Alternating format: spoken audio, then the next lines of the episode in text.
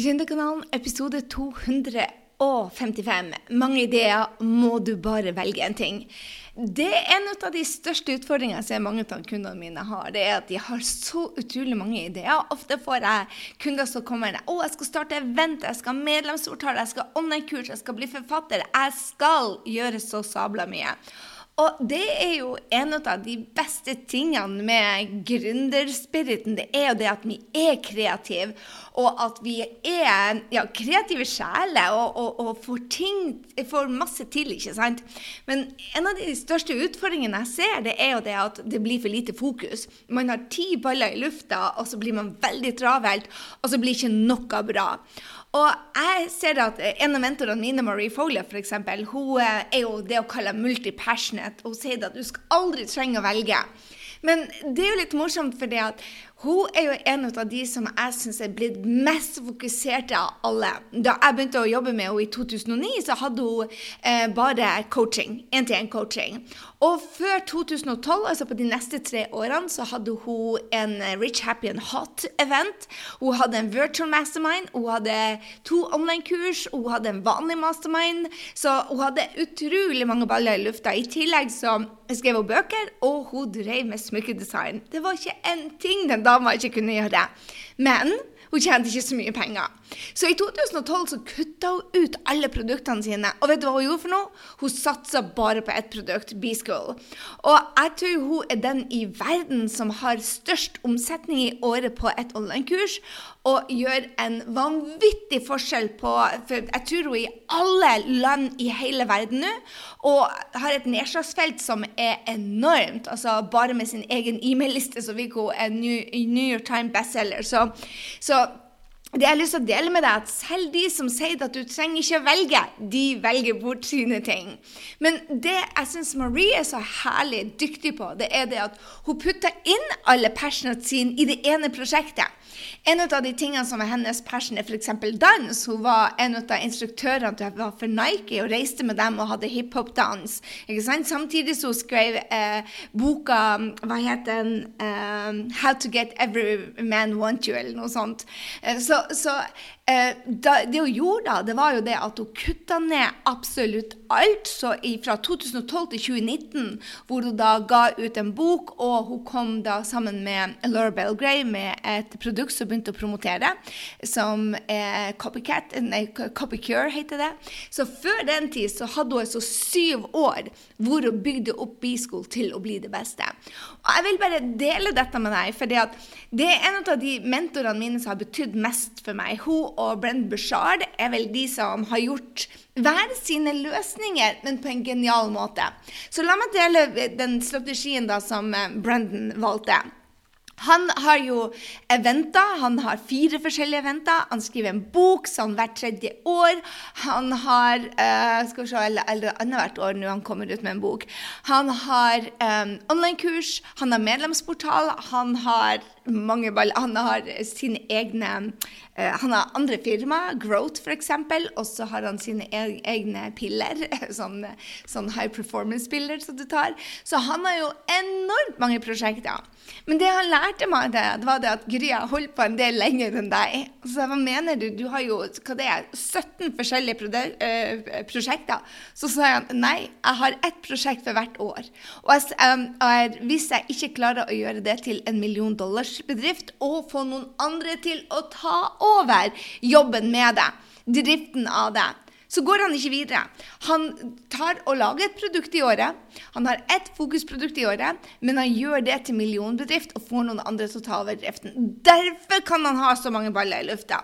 Men når man kommer ny inn og så ser på det, så ser det ut som at oi, de her får til alt. Og så prøver man litt medlemsportal, litt online-kurs, litt coaching, litt bok, litt her, litt der. Og det jeg ser det er at mange av de gründerne eh, forblir blakk. For de vil ikke ta det valget. Og det jeg har erfart, er at du må ta det valget. Det å bygge opp en millionbedrift i gangen er det er faktisk nødvendig. For hvis du ikke gjør det, så har du ikke fokus. Og jeg ser det om og om igjen. Å, jeg skal drive med litt nettmarketing og litt nettbutikk og litt online-kurs.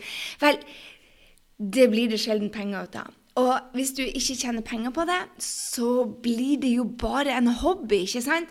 Det samme gjelder når noen spør meg skal jeg velge Instagram eller Facebook, eller skal jeg gjerne eh, begge accountene, så sier jeg få fart på den ene, sånn at du gjør én ting bra. For hvis du, hvis du poster begge deler, ja, det tar tid å følge opp begge deler. Og hvis du ikke har 1000 følgere, du gjør liksom noen få ting her og noen få ting der, så er det stor sannsynlighet til at du ikke blir god noen plasser. Og det er det jeg ser. Jeg gjorde jo en supertabbe sjøl, ikke sant? Jeg starta både på Instagram og på Facebook eh, med tre års mellomrom. Men jeg hadde ikke knekt Facebook-koden ennå. Jeg hadde ikke fått til livesendingene mine. Jeg hadde ikke fått til engasjement. Jeg hadde ikke fått til å konvertere følgere til e-mail-lister og igjen til, til kjøpere. Så, så jeg, og, og, det er to forskjellige måter å kommunisere på de to plattformene. Så når jeg da parkerte Instagram og gikk over og sa bare, ok, nå skal jeg fokusere på Facebook, så gikk det ikke så lang tid før jeg knekte koden og kom meg opp igjen på noen og 20 000. Og da er det mye mer gøy når du ser det at folk kan engasjere seg, de deler, de snakker med deg. Så nå kan jeg hoppe over på Instagram. Så folk sier liksom ja, men du er på flere plattformer, grei. Yes, men jeg har brukt ti år på det. Jeg håpa til Instagram jeg hadde vært ti år på, på, eh, på, på, eh, Facebook. Så jeg tror det er Hvis man ønsker å ha mange baller i lufta og føler at det er gøy, så bruker jeg å kundene mine Jeg hadde ei på Mastermind som spurte bare ja, men det kjeder meg. Så sier jeg ja, men hva med å heller bli superdyktig på det du gjør? Bli best. Og, og, og utvikle det produktet du har. Hun har eh, et online-kurs som bare rocker. Men det rocker ikke sånn at du har full frihet ennå. Hun selger millioner, men det er ikke det hun kaller frihet ennå.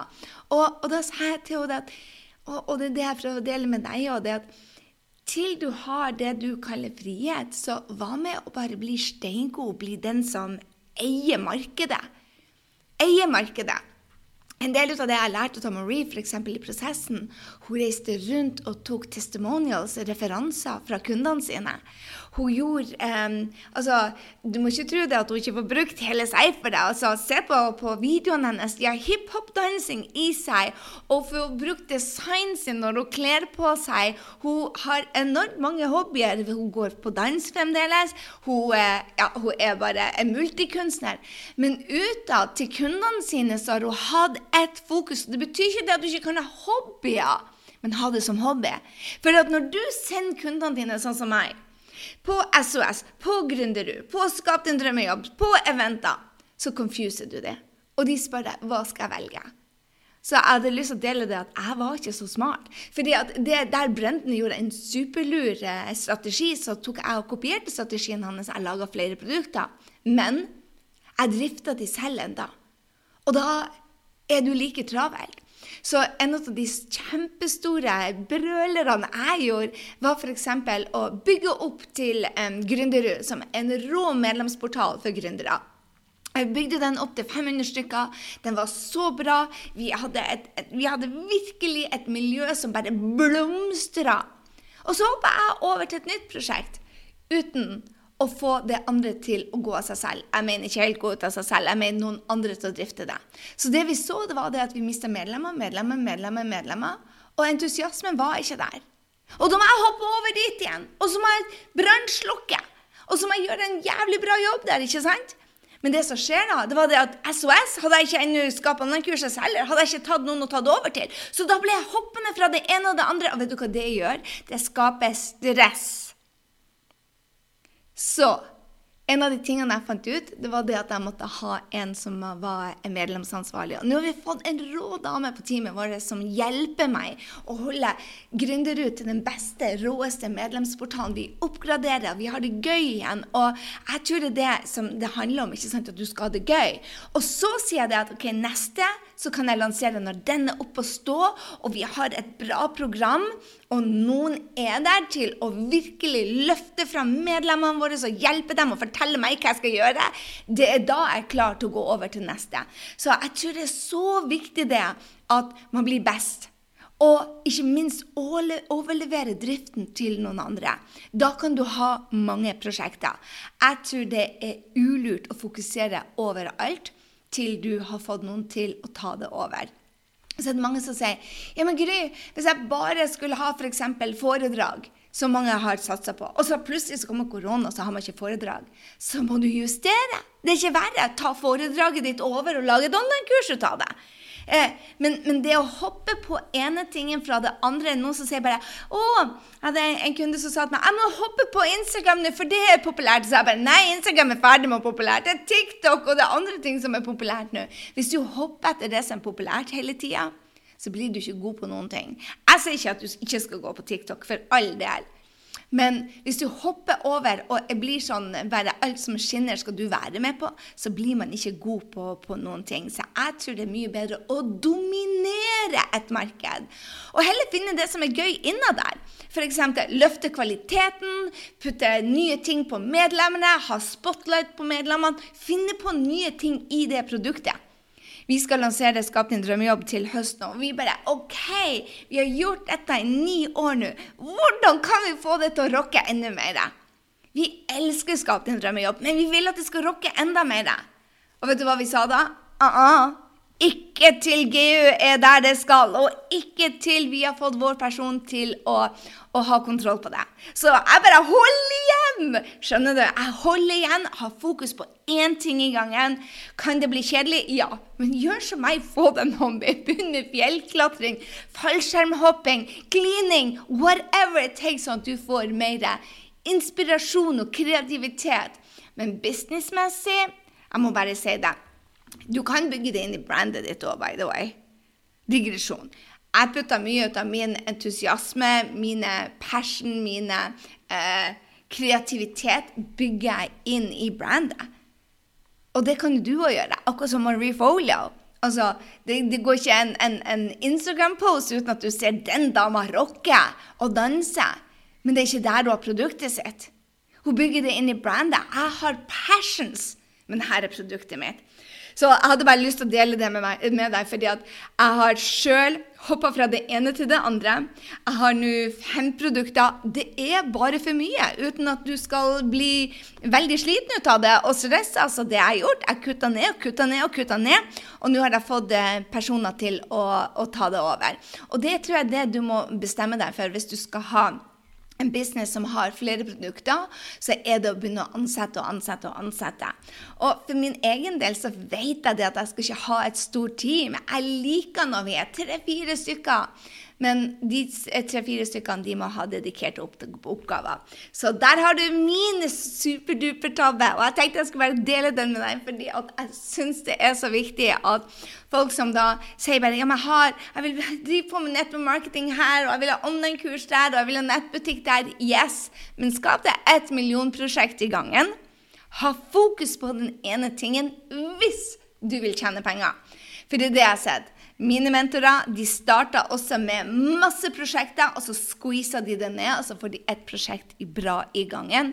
Og så setter de ut. Og jeg tror det er der jeg har bomma mest, og jeg vil ikke at du skal gjøre det, så jeg håper dette var til hjelp. Hva lærte du? Del gjerne med meg. Og please, please, please, hvis du er fastlytter til Gründerkanalen, så do, do me a favor og gå inn og rate oss på iTunes. Og så håper jeg jo det at hvis du ikke har gjort det allerede, så er du med på Instagram-utfordringa. Der skal jeg vise dere hvordan du får Instagram-kontoen og Facebook-kontoen dine super-hyper eh, fokusert. Men hvordan du da kan bygge inn kreativiteten din inn i, eh, inn i Hva heter det? I, eh, du kan bygge kreativiteten inn i brandet ditt. Og vi skal jobbe med kategorier. Vi skal jobbe med bioen, vi skal jobbe med bilder. Vi skal jobbe med flere ting som gjør det at Instagram og Facebook plutselig blir gøy for deg. Så Digger du Gründerkanalen? Please, please, please, gå inn og gi oss en feedback, så får andre høre om det. fordi at når du rater oss, så kryper vi opp på listene til iTunes. Og det hjelper oss å få nye følgere, og det setter vi utrolig stor pris på.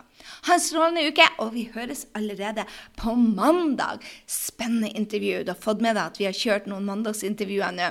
Jeg tror faktisk det blir siste mandagsintervjuet, så få det med deg. Du vil ikke tro det, men vi får en av Jeg tror vi får Norges største største eh, blogger på besøk. Tror jeg. Hm. I hvert fall Norges største matblogger. OK, mus-mus, vi høres.